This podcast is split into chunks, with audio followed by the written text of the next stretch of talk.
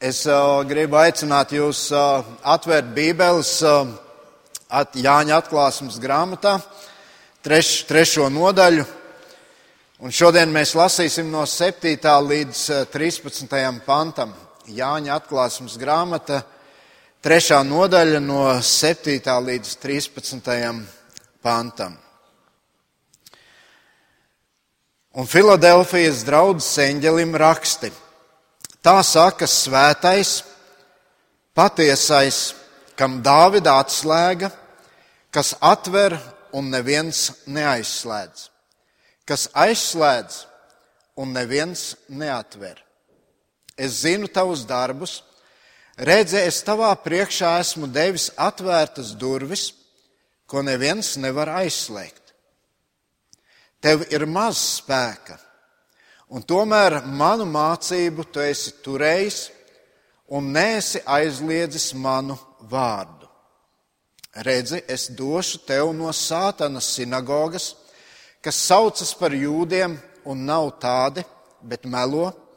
Redzi, es darīšu, ka viņi nāks, metīsies pie tavām kājām un atzīs, ka es esmu tevi mīlējis. Tāpēc, ka tu esi turējis manu pacietības mācību, es tevi sargāšu pārbaudīšanas stundā, kas nāks pāri visu pasauli, pārbaudīt tos, kas dzīvo virs zemes. Es nāku drīz, turi, kas tev ir, ka neviens neatņem tavu vainagu. To, kas uzvar, es darīšu par balstu sava dieva templī un viņš no tā nekad neaizies. Un es rakstīšu uz viņa sava dieva vārdu, un mana dieva pilsētas jaunās Jeruzalemes vārdu, kas nokāp no debesīm no mana dieva, un manu jauno vārdu, kam ausis lai dzird, ko gars saka draudzēm. Mūsu priekšā ir karte. Un uh, mēs esam uh, jau diezgan tālu ceļu nogājuši. Iesākām no Efezas, devāmies uz Smirnu, tad uz Pergamu un Tietīrām, Sardās pabijām. Šodien uh, esam nokļuvuši Filadelfijā. Es domāju, būtu ļoti interesanti šodien uh, varbūt pēc tam, kad mēs šo sēriju būsim pabeiguši, ka mēs varētu kā draugi aizbraukt un tur klātienē šīs pilsētas izstaigāt, vai ne? Nezinu, vai mēs varētu to izdarīt tā, kā to darīja varbūt šis vēst, vēstnesis, kas šīs vēstules tur nogādāja visām šīm draudzēm. Droši vien mums spēka nepietiktu, bet būtu ļoti interesanti. Un, uh, Tā ir uh, Turcija. Tur mēs uh, varbūt kāds jau esam bijuši, uh, kādu vēl varbūt aizbrauks. Šodien, protams, tādas iespējas ir. Bet ja mēs domājam par tām draudzēm un uh, nejautām pilsētām, Kristus Jānim atklāja šos vēstījumus, bet tieši draudzēm, saviem ļaudīm tad uh, man jūs ir jābēdina, jo mēs nekur ar saviem brāļiem un māsām tur vairs nesastaptos, jo šīs draudzes tur vairs nav. Uh, ja mēs domājam par Filadelfijas draugu, tad to 150. Uh, gadā pirms Kristus dzimšanas dibināja Pergamas valdnieks Atala II. Un šis ķēniņš, ja valdnieks, viņš bija palicis atmiņā, vēsturnieku atmiņā ar to, ka viņš bija ļoti pieķēries savam brālim Elmenesam. Viņš tik ļoti savu brāli mīlēja, un ļaudis to redzēja, un šim valdniekam pielika klāt otru vārdu - Filadelfos kas nozīmē brāļu mīlestība. Un, kad viņš valdīja Pergamā, tad viņš kā ķēniņš, kā valdnieks piešķīra šo vārdu pilsētai, kuru viņš uzbūvēja. Un, tā bija ļoti skaista pilsēta. Šī skaistuma dēļ šo pilsētu, pilsētu Filadelfiju mēdz dēvēt arī par mazajām Atēnām.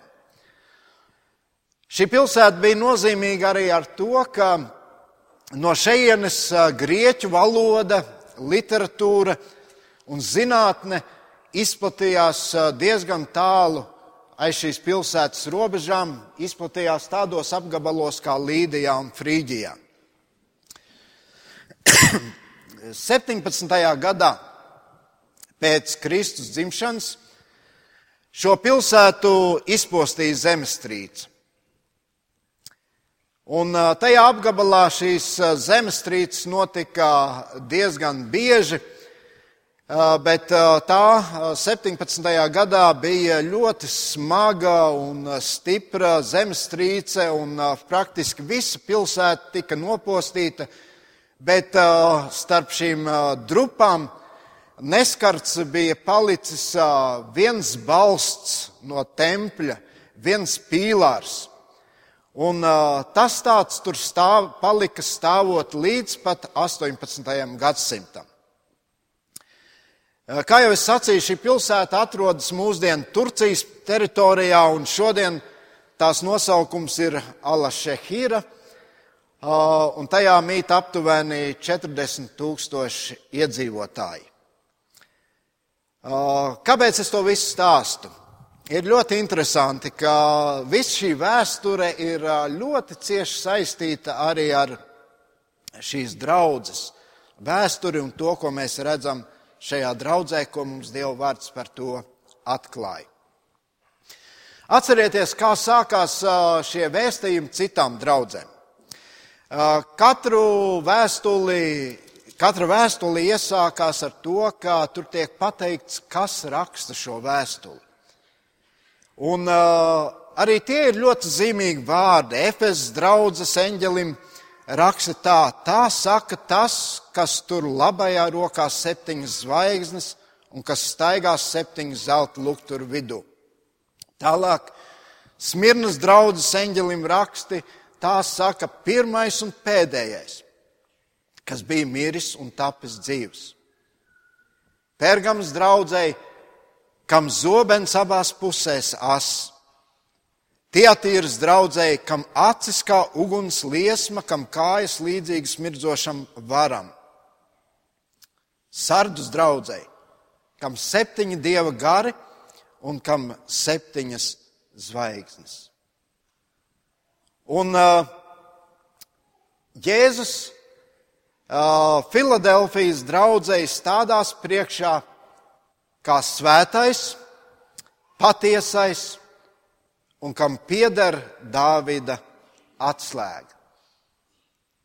Svētais. Vecajā derībā mēs varam bieži lasīt šo atgādinājumu. Dievs ir svēts. Mēs lasām Iesaistas grāmatā,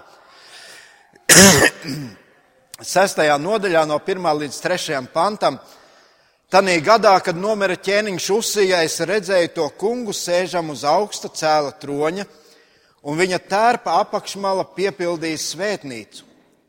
Serafi lidinājās pāri viņu, tiem bija katram seši spārni, ar diviem serafs apsedza savu vaigu, ar diviem savas kājas, un ar diviem viņš lidoja.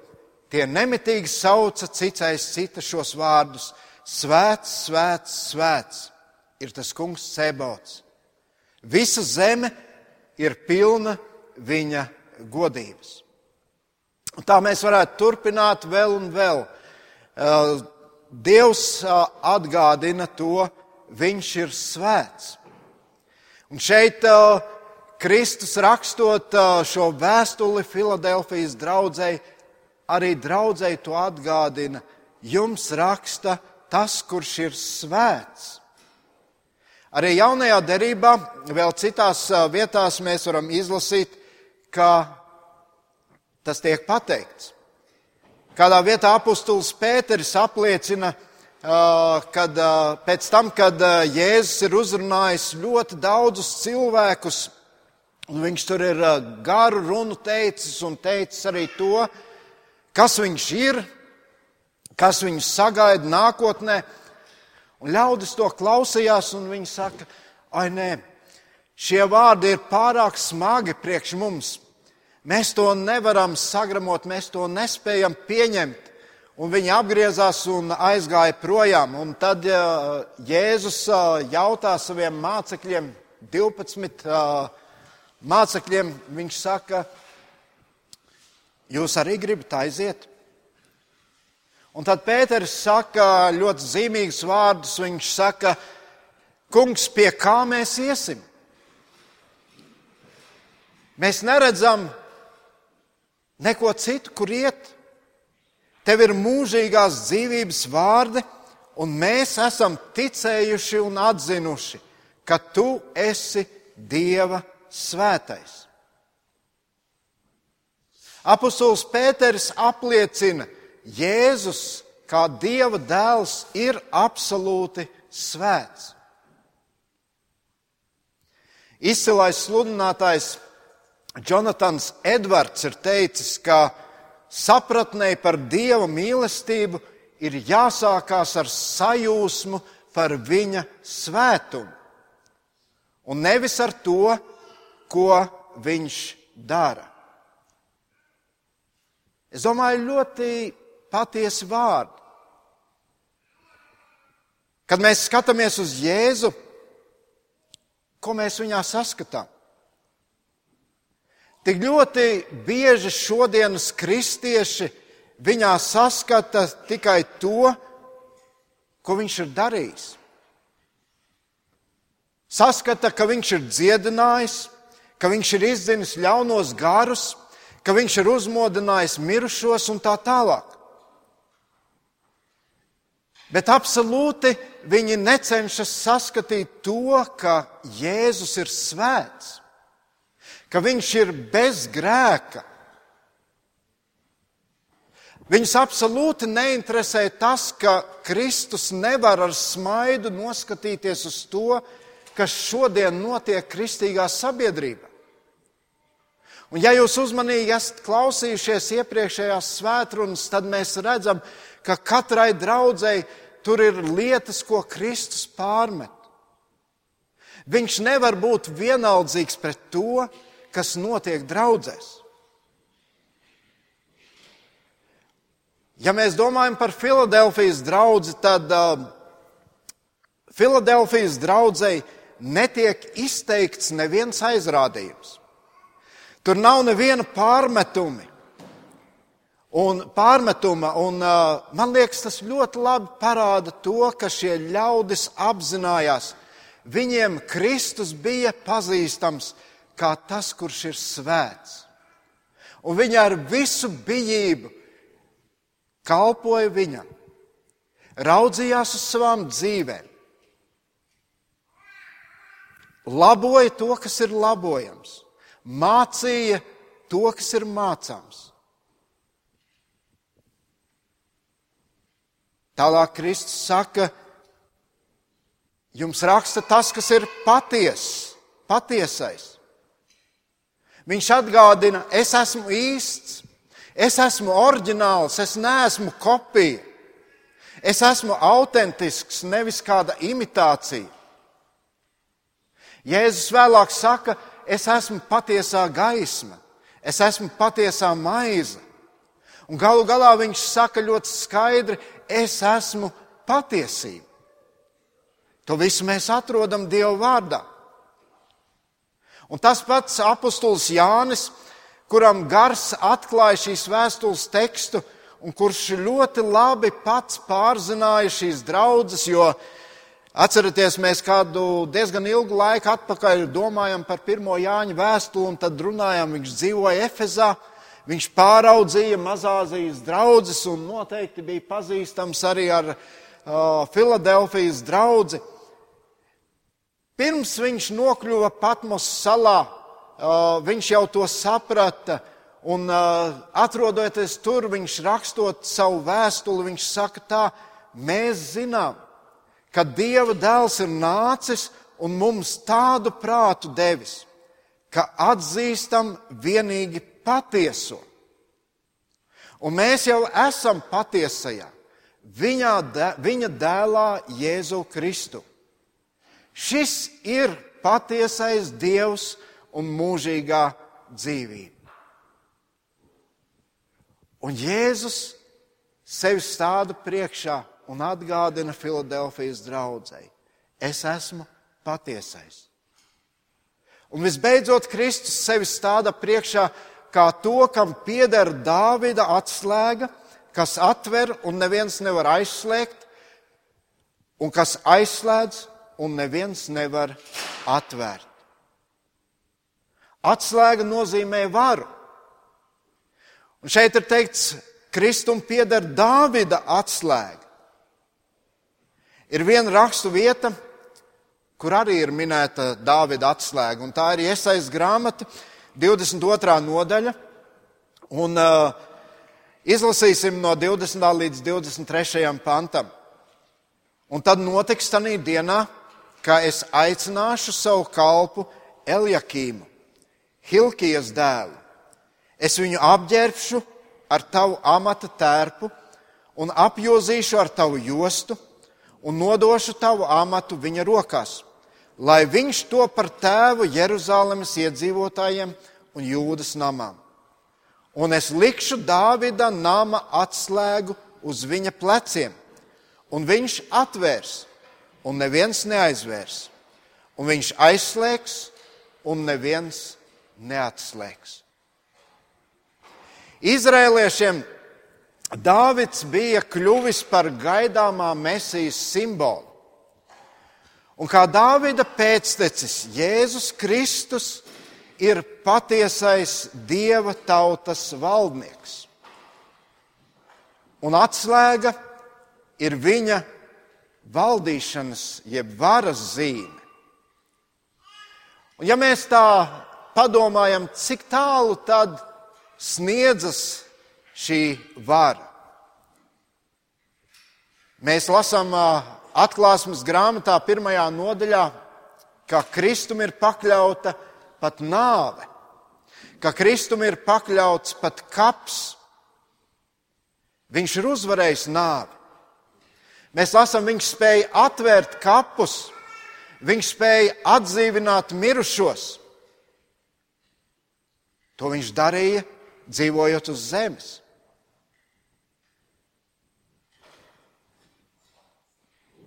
Un tāpat, kā viņš spēja atdzīvināt, atdzīvināt, to, atdzīvināt tos, kur ir fiziski miruši, tāpat tas, kura rokās ir šī atslēga, viņš spēja atdzīvināt arī tos, kuri ir garīgi miruši. Un tāpēc tad, kad Jēzus atver durvis evaņģēlijas sludināšanai. Neviens to nespēja kavēt. Ko tad Jēzus saka Filadelfijas draudzēji? Vispirms šī draudzene no viņa dzird komplimentu. Un es tā domāju, ar kādām domām viņi sagaidīja šo cilvēku, kurš viņiem nogādāja šo vēstuli. Droši vien tas bija tas cilvēks, kurš devās par šo maršrutu no Efezas uz Smirnu, uz Pergamu, uz Teatīrām, uz Sārdu, un nu viņš ir nonācis Filadelfijā. Un varbūt tur tajās neformālajās sarunās kāda ļaudis viņam pajautā, nu kā tev gāja tur tajās pilsētās. Un viņam Droši vien bija jāsaka, ai, tur viņiem smagi vārdi bija jāuzklausa. Bet šeit ir šī vēstule, un šo vēstuli lasa, un viņi dzird. Es zinu tavus darbus. Es atvēru tavā priekšā durvis, ko neviens nevar aizslēgt. Spēka tev ir maz, bet manu mācību tu esi turējis un nesi noliedzis manu vārdu. Jaunajā derībā, ja kāds runā par atvērtām durvīm, tas mums liek domāt par iespējām pasludināt evaņģēlīju.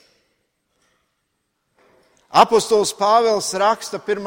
korintiešiem 16. nodaļā, 8. un 9. pantā. Viņš saka, Efezā es gribu palikt līdz vasaras svētkiem, jo man atvērušās plašas durvis sekmīgai darbībai, bet arī pretinieku daudz. Kādā citā vēstulē viņš atgādina kristiešiem kolosā: esiet pastāvīgi lūgšanās, esiet ar tām nomodā ar pateicību. Reizē lūdziet arī par mums lai Dievs mūsu sludināšanai atvērtu durvis, ka es varētu sludināt Kristus noslēpumu, kura dēļ esmu važās, un lai es to varu darīt zināmu, kā tas man pienākas. Mēs varam noprast, ka šī draudzē Filadelfijā tā nebija skaitliski liela draudzene. Bet eh, tāpat laikā šis, šis vēstījums, ko Jēzus saka šī draudzē, tas parāda to, ka šai draudzēji bija visas iespējas sludināt evaņģēlīju. Neliela draudzene pilsētā. Mēs varētu teikt, nu, ko tad no viņas var sagaidīt? Lai viņa pati tiek ar sevi galā, ko tad vēl tur uz āru iet?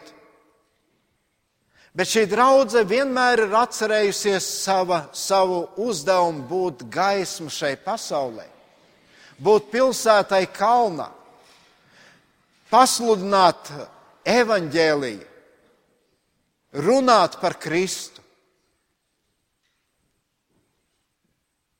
Viņa palika uzticīga tam uzdevumam, ko pats Kristus ir devis.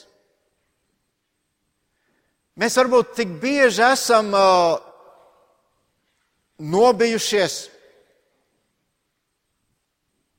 Un tas bieži vien notiek tāpēc, ka mēs aizmirstam, ka mēs to darām tā uzdevumā, kam ir vara. Mēs aizmirstam paša Kristus sacītos vārdus, kurus varam lasīt Lūkas evanģēlijā 18.27, kas cilvēkiem nav iespējams, tas ir iespējams Dievam. Jēzus atver durvis. Un viņš to dara viena iemesla dēļ, lai šīs glābjošās žēlastības vēsts, lai tā varētu aizsniegt sabiedrību. Un Kristus šeit saka, un neviens nevar šīs durvis aizslēgt. Ja es tās atveru, nekas tās neaizslēgs. Un Filadelfijas draudzēji tas bija milzīgs iedrošinājums. Neskatoties uz to, ka viņai varbūt nav tik daudz resursu, kā gribētos. Bet viņi redzēja šīs atvērtās durvis. Un vēlāk mēs pie tā nedaudz atgriezīsimies. Mēs no šī teksta varam noprast, ka šiem ļaudīm, šiem kristiešiem tur tajā pilsētā sinagogas durvis bija slēgtas. Un tas sagādāja viņiem grūtības. Bet vienmēr tur, kur kādas durvis aizveras draudzēji, tur kādas citas atkal atveras. Un, ja mēs domājam vēl par Filadelfiju, tad Filadelfija bija ļoti tādā svarīga vieta arī strateģiski. Tā bija pilsēta, un to sauca arī kā vārtus uz austrumiem. Šo pilsētu apmeklēja ļoti daudz cilvēku no dažādām vietām. Un uh, mēs varam saprast, ka Filadelfijas draudzes durvis bija atvērtas šiem cilvēkiem. Viņi tur atnāca, viņi redzēja šo draugu, viņi dzirdēja evaņģēlīju vēsti. Un līdzīgi kā grieķu valoda dažas desmit gadus iepriekš arī evaņģēlijas izplatījās tāpat arī tālāk no šīs pilsētas. Jā, šī draudzene toreiz neredzēja savas uzticīgās kalpošanas augļus. Bet, uh, lasot šos Kristus vārdus, mēs varam saprast, ka šīs draudzes ietekme tajā laikā bija ļoti spēcīga.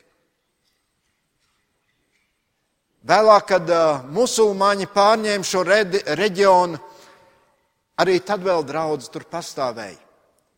Un vēsturnieks saka, ka līdz pat 14. gadsimtam šī draudzene tur ir uzticīgi kalpojusi. Mēs varētu teikt, Filadelfijas draudzene tā bija uz misiju vērsta draudzene. Vīlants draugs. Mēs arī neesam liela draudzene. Mēs varam teikt, mums arī ir maz spēka, bet mēs droši varam apgalvot un teikt, ka mums ir liels dievs. Un tāpat kā Filadelfijas draugai, arī Vīlāns draugai, viņš atver durvis, kuras neviens nevar aizslēgt. Un ja Dievs atver, ja Kristus atver šīs durvis, tad, mīļie brāļi un māsas, mēs varam būt droši un pārliecināti, ka Viņš arī dos spēku, lai mēs pa šīm durvīm varam iziet. Ekonomika var pasliktināties, var pat tā sabrukt, valstis var palielināties un samazināties. Arī šī ēka var sabrukt. Bet Dieva vārds saka, tā draudzene, kura atbilst tam, ko Jēzus šeit saka par Filadelfijas draugu, tā paliek. Mēģināju atrast, bet neatradu. Uh, Bīskaps Pēters Sproģis kādreiz bija ielicis um, kādā portālā vienu tādu fotografiju. Uh, ja nemaldos, tas bija pēc zemestrīces Kalifornijā, kur bija sabrukusi, sabrucis dievnams, bet tur uh, uz, pie šī dievnama bija uzraksts: Baznīca ir sabrukusi, bet draudzene joprojām ir dzīva. Ja Kristus atver durvis, tad neviens cits tās nespēja aizvērt. Bez šiem uh, labiem vārdiem, bez šī komplimenta, ko Jēzus saka šai draudzēji, uh, viņš uh, draudzēji dod arī brīnišķīgus apsolījumus. Un vispirms Jēzus saka, es nepārstāšu šo draugu mīlēt. Redzēs, došu tev no sātanas sinagogas, kas saucas par jūdiem un nav tādi, bet melo. Redzi, es darīšu, ka viņi nāks, metīsies pie tavām kājām un atzīs, ka es esmu tevi mīlējis.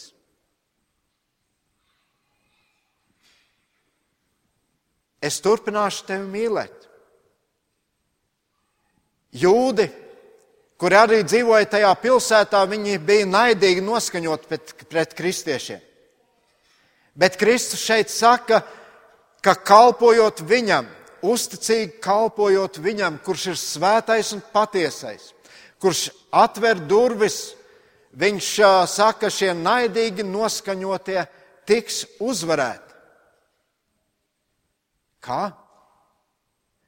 Ne jau vicinot zobenus, ne jau iesaistoties kādās vārdu kaujās, bet viņi tiks uzvarēti redzot jūsu dzīvi, jūsu kalpošanu. Ar to jūs parādīsiet to, kas ir īstā Dieva tauta, kas ir īstie Kristus mācekļi. Jēzus saka Jāņa evanģēlijā 13. nodaļā 34, 35. Viņš saka, jaunu bausli es jums dodu, ka jūs citu, citu mīlat, kā es jūs esmu mīlējis, lai arī jūs tāpat citu, citu mīlētu. No tā visi pazīs, ka jūs esat mani mācekļi, ja jums būs mīlestība savā starpā. Jēzus apsola, es turpināšu jūs mīlēt. Otrakārt, Jēzus apsola sargāt Filadelfijas draugus. Tāpēc, ka tu esi turējis manu pacietības mācību, es tevi sargāšu pārbaudīšanas stundā, kas nāks pār visu pasauli, pārbaudīt tos, kas dzīvo virs zemes. Šodien miljoniem kristiešu cieš. Daudzi atdod dzīvības dēļ savas ticības Kristu. Tā ir šodienas realitāte. Jā, mēs šodien varam būt pateicīgi Dievam par to brīvību, kas mums ir. Bet mēs neviens nezinām, kas mūs sagaida rīt. Tad, kad Jēzus bija kopā ar saviem mācekļiem, viņi jutās ļoti labi. Viņi jutās Kristus mīlēti, viņi jutās Kristus pasargāti, Kristus vienmēr iestājās par viņiem. Bet tad kādā reizē, kad viņš tur runāja ar, ar saviem mācekļiem, viņš viņiem zīmēja diezgan drūmu ainu.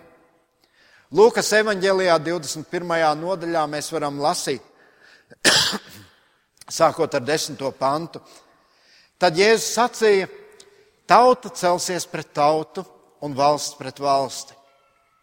Lielas zemestrīces būs, kā arī bats un mēres vietu vietām šausmu parādības un lielas zīmes no debesīm.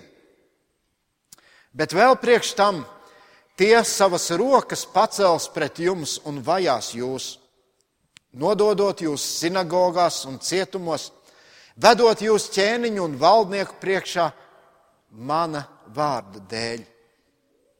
Viss tas nāks, lai jūs nodotu liecību. Tad nu apņemieties savās sirdīs, nerūpēties iepriekš, kā jūs aizstāvēsieties. Jo es jums došu vārdus un gudrību, kam visi jūsu ienaidnieki nevarēs pretī stāvēt. Pat vecāki un brāļi, radi un draugi jūs nodos, un dažus no jums nonāvēs. Un visi jūs ienīdīs mana vārda dēļ. Bet tomēr neviens mats no jūsu galvas nepazudīs.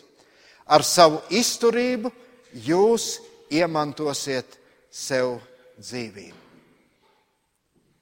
To saka Kristus. Citiem vārdiem sakot, Jēzus neapsola mūs pasargāt no bēdām un ciešanām. Viņš neapsola mūs pasargāt no tā, ka mēs varam zaudēt dzīvību bet viņš apsola mums mūžīgo dzīvību. Un visbeidzot, Kristus saka, to, kas uzvar, es darīšu par balstu sava dieva templī. Un viņš no tā nekad neizies, un es rakstīšu uz viņa sava dievu vārdu un mana dieva pilsētas jaunās Jeruzalemes vārdu, kas nokāp no debesīm, no mana dieva un manu jauno vārdu. Kā jau es sacīju, Filadelfijas pilsēta bija ļoti skaista pilsēta. Un šajā pilsētā bija arī kādi tempļi. Tur notika zemestrīces, iedzīvotāji visu pameta, bēga. Pēc tam viņi atgriezās atpakaļ, novāca grūvežus, sāka būvēt jaunas mājas. Un tad tur bieži vien novācot šos grūvešus, varēja redzēt šo tempļa balstu. Tempļa balstu pīlāru, kas bija izturējusi, izturējusi šo, šo zemes grūd, grūdienus un tur joprojām stāvēja. Un Jēzus, rakstot šo vēstuli, lieto šo balstu, jeb pīlāru, kā simbolu stabilitātei un noturībai. Toreiz šajā pilsētā uz šī pīlāra ļaudis iegravēja uh, kādu reliģisko vadītāju vārdus, kā piemiņu viņiem. Bet Jēzus saka, es rakstīšu uz viņa sava dievu vārdu. Arī mana dievu pilsētas jaunās Jeruzalemes vārdu, kas nokāp no debesīm no mana dieva un manu jauno vārdu. Kas ir tas pīlārs? Tas ir Jēzus. Tie ir Jēzus vārdi, kur ir tik aktuāli draudzēji, ja draudzē šodien grib pastāvēt. Ko Jēzus rakstītu eh, Vīlandes draudzēji? Mums priekšā ir šis uzraksts - Vīlanda, Bībele, ģimene, misija. To esam rakstījuši mēs. Tā mēs redzam savu draugu, kā Jēzus to redz.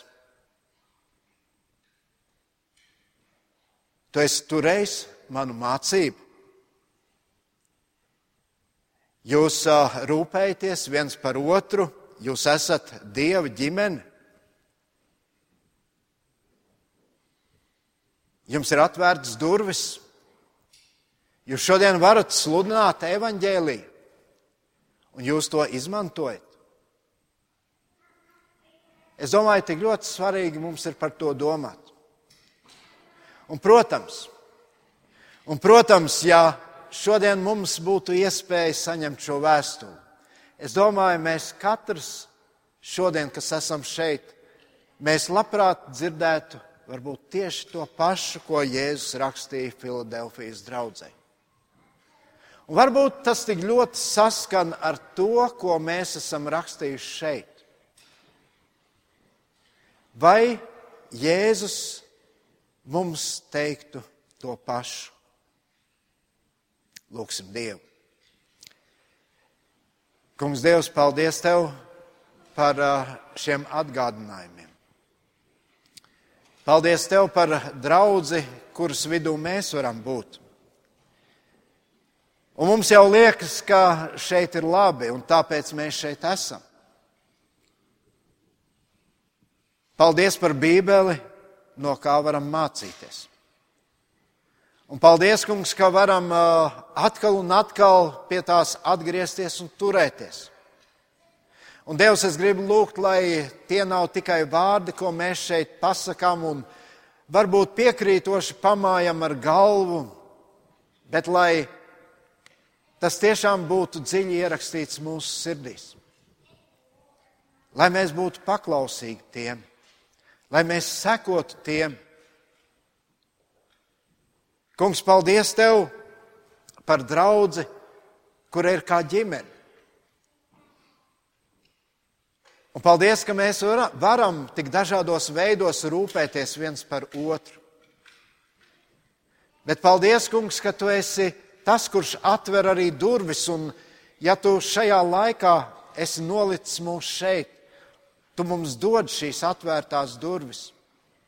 Tad palīdz, lai mūsu kristietība nebūtu tā, kas ir izdzīvota tikai šeit, šajā namā, bet lai izējot pa šīm durvīm, mēs arī varētu būt tie, kas apliecinam tevi, kas apliecinam to, ka tu esi svēts, ka tu esi patiess un ka tikai tu vari izdarīt to, ka mēs reiz nonākam tur, mūžīgajā dzīvošanā. Kungs, paldies Tev par šiem atgādinājumiem un sveitī mūs kā draugs. To Kristu tavā vārdā lūdzam. Āmen!